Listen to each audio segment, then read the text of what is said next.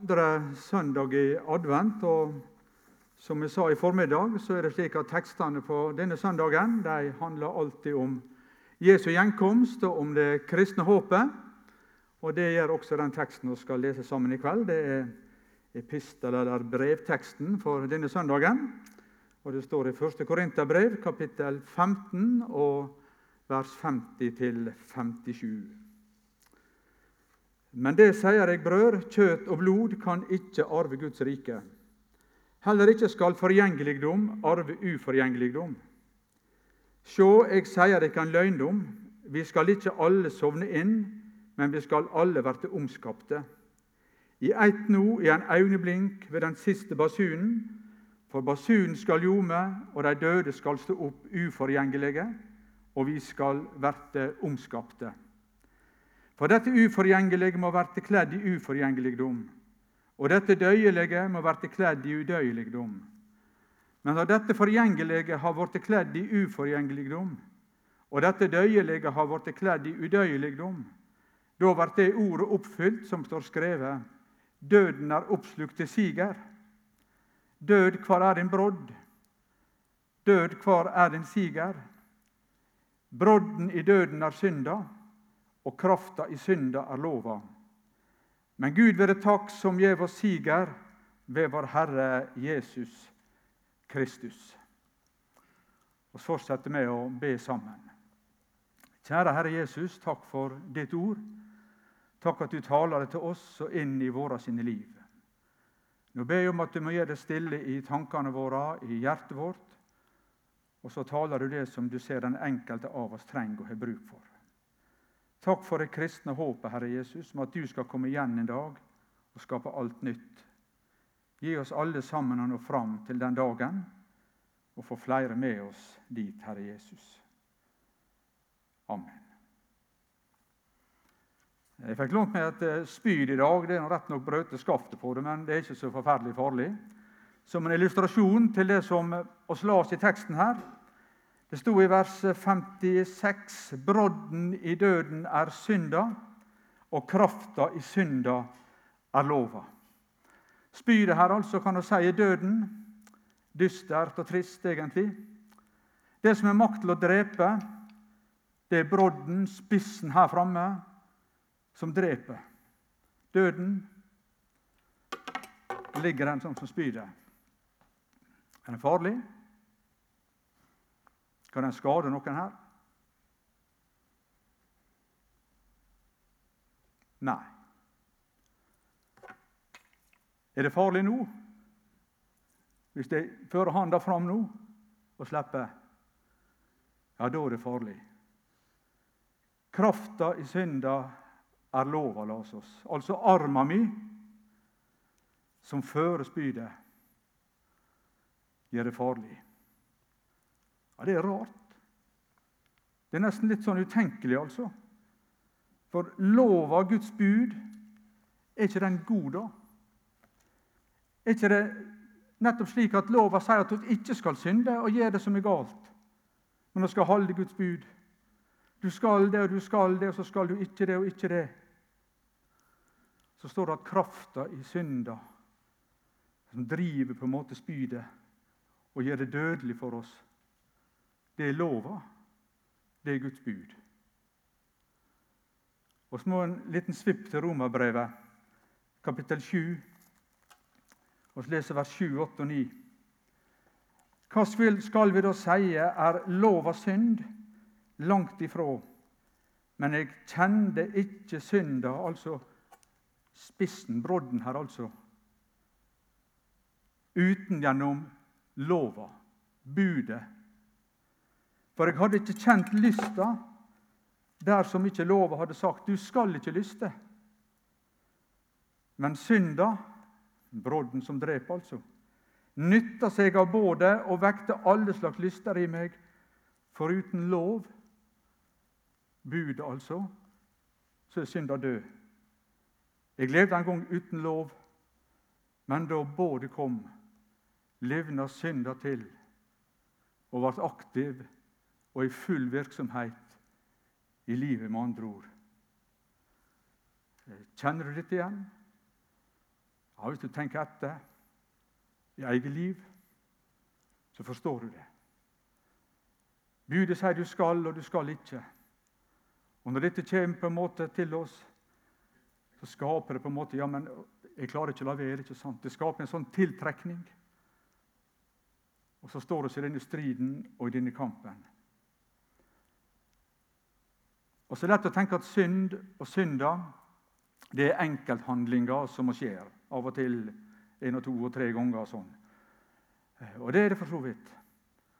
Men det er noe mye mer og mye alvorligere. For synda, som, som oss møter den i Guds ord og i livet vårt, den er ei herskende makt som krever herredømme og får styre livet vårt.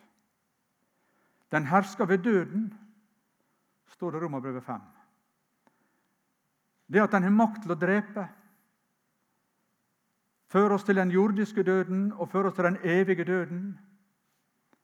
Det er det som gjør at herredømmet til synda er så forferdelig og så rystende og gjør det så umulig for oss å fri oss ifra.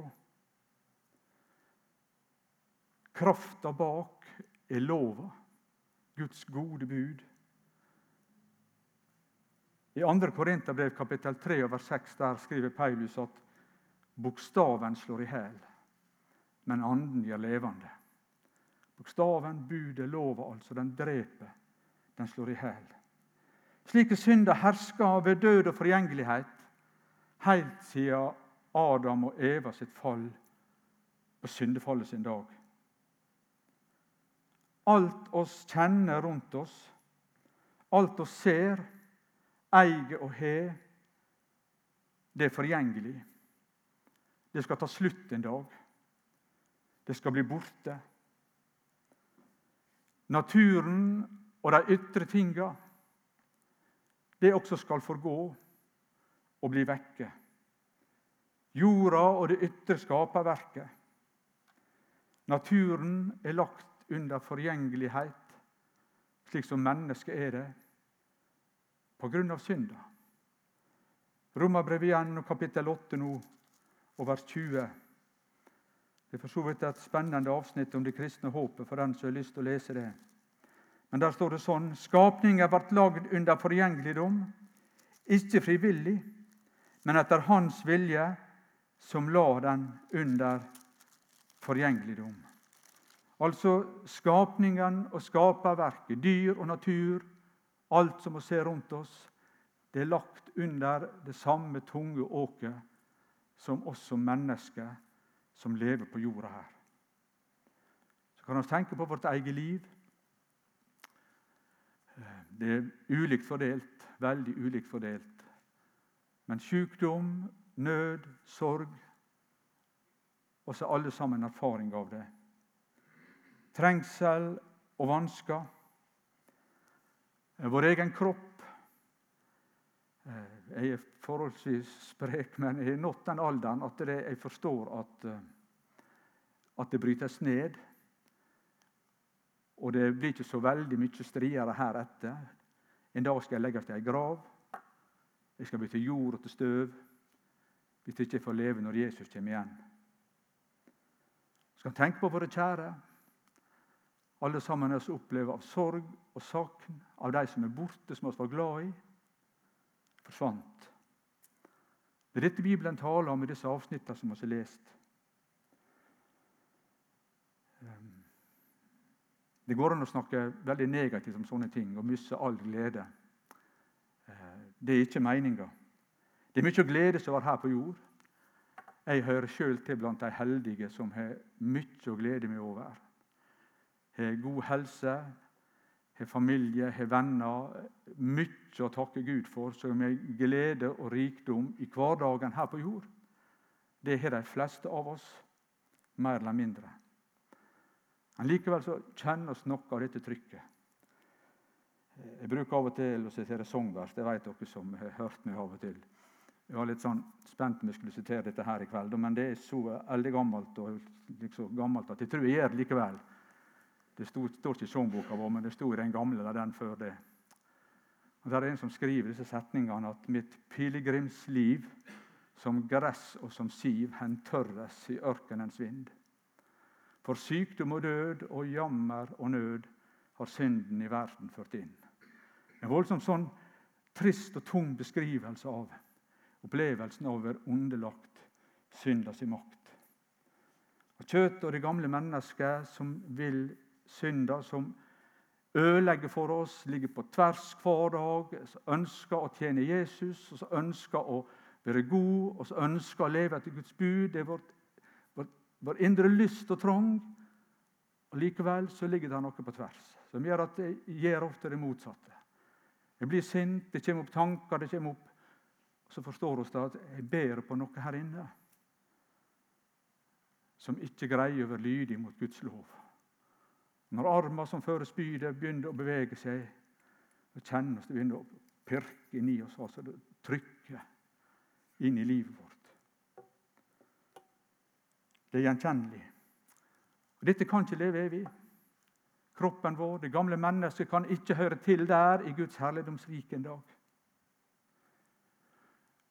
Og midt i dette om død og forgjengelighet så taler altså Jesus, eller taler Paulus i dette avsnittet han taler om seier. Han bruker det uttrykket. Og han snakker om en seier som blir gitt oss. Og Det er viktig. For det er ikke jeg og du som kjemper den seieren det her er snakk om. Det er en annen som har kjempa denne seieren, og så skal jeg og du få den. Men Gud være takk som gjev oss siger ved vår Herre Jesus Kristus, skriver Paulus, apostelen. Ved vår Herre Jesus Kristus. Det er altså en annen som har kjempa og på en måte vunnet den seieren som skal til for at jeg og du skal få lov til å gå over fra døden til livet. Lova har gitt synda ei dødelig makt. Dere ser handa mi her. Lova sin arm, som driver dette spydet. Og før denne makta, lova sin makt, er beseira, så kan vi ikke bli fri. Denne handa må lammast og amputerast, så spydet og døden dette virksomme til jorda. Det har Jesus tatt seg av. I Galaterbrevet kapittel 3 og vers 13 Kristus kjøpte oss fri fra forbanninga under lova ved at Han vart ei forbanning for vår skyld. For det forstår skrevet:" Forbanna er hver den som heng på et tre. Ja, Det er et kjent og slitt ord, jeg veit det. Men det er full av evangelisk frigjørende sannhet. Han har kjøpt oss fri ifra det som binder. Ifra lova si makt til å dømme oss til døden og fortapelsen og sende oss ut i evig ulykke. For det er ikke lenger noe kraft til å føre spydet når lova si makt er brutt. Brodden kan plukkes av. Synda kan ikke drepe meg lenger.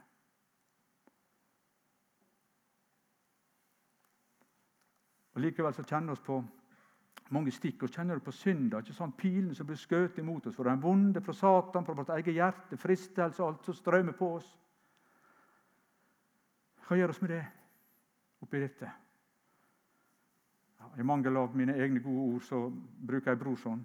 Han har et salmevers han også, som handler om det. Han sier at 'mitt liv, det er i Jesu blod'.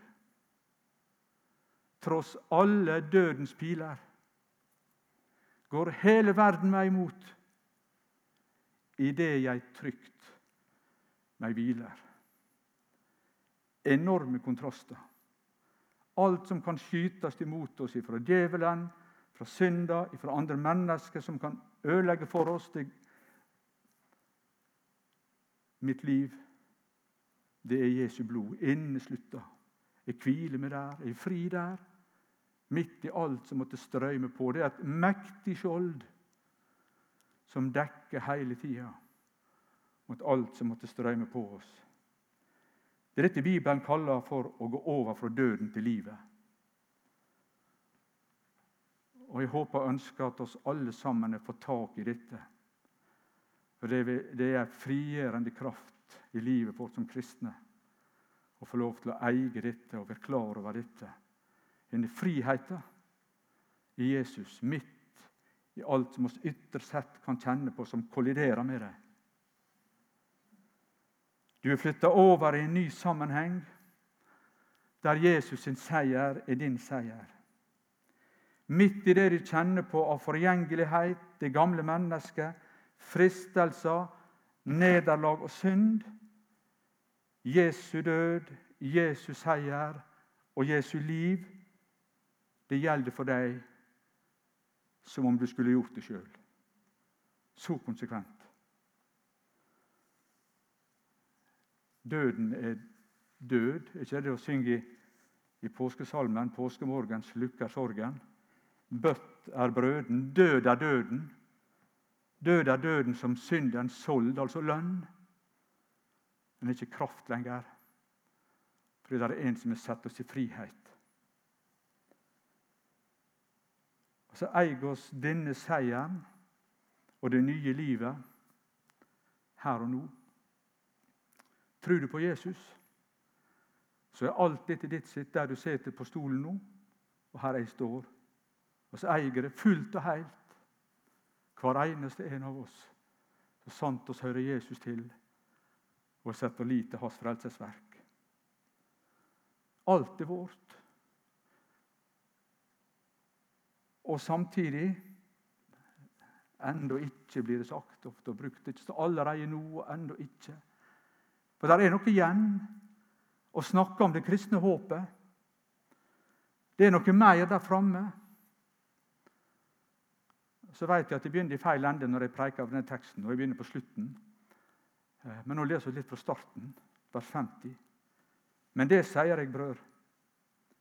Kjøtt og blod kan ikke arve Guds rike. Heller ikke skal forgjengeligdom arve uforgjengeligdom kroppen vår som skal forgå en dag. Slik som den er her og nå, kan ikke arve uforgjengeligdom. Det må bli en endring til.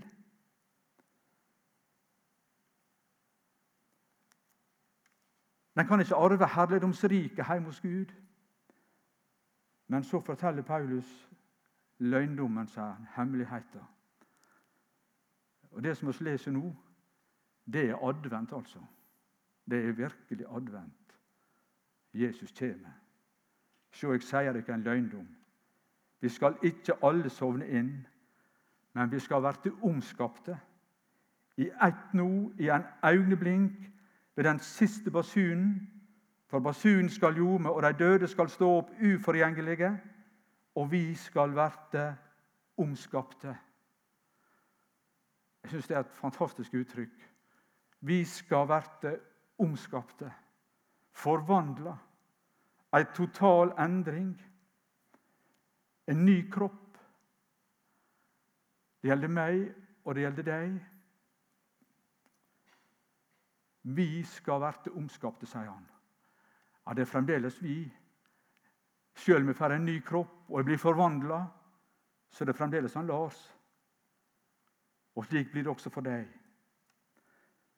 Dette sier noe vesentlig om oppstandelsen ifra de døde. Paulus har skrevet om dette tidligere en gang, i et annet brev. 1. Tessalonika-brev, kapittel 4, og vers 16-18. For Herren sjøl skal komme ned fra himmelen med et bydende rop, med en overengelsrøyst og med Guds basun, og de døde i Kristus skal først opp. Deretter skal vi som lever, som har blitt att sammen med dem, rykkes opp i skyene, opp i lufta, for å møte Herren. Og så skal vi for alltid være sammen med Herren. Trøste hverandre med disse ordene, sier han. Og så forklarer han det enda mer og utdypa det sterkere i de versene som var teksten vår i første Korinterbrev. Omskapte, forvandla som Jesus, så også jeg og du. med en kropp i herligdom, slik som han har det. Uforgjengeligdom, udøyeligdom. Det er rart å tenke på. Den dagen i oppstandelsen og i forvandlinga så er det ingenting hos meg og i min kropp som kan forgå. Det er umulig at han kan dø i kroppen min. Det kan ikke skje. For Jesus har skapt noe nytt.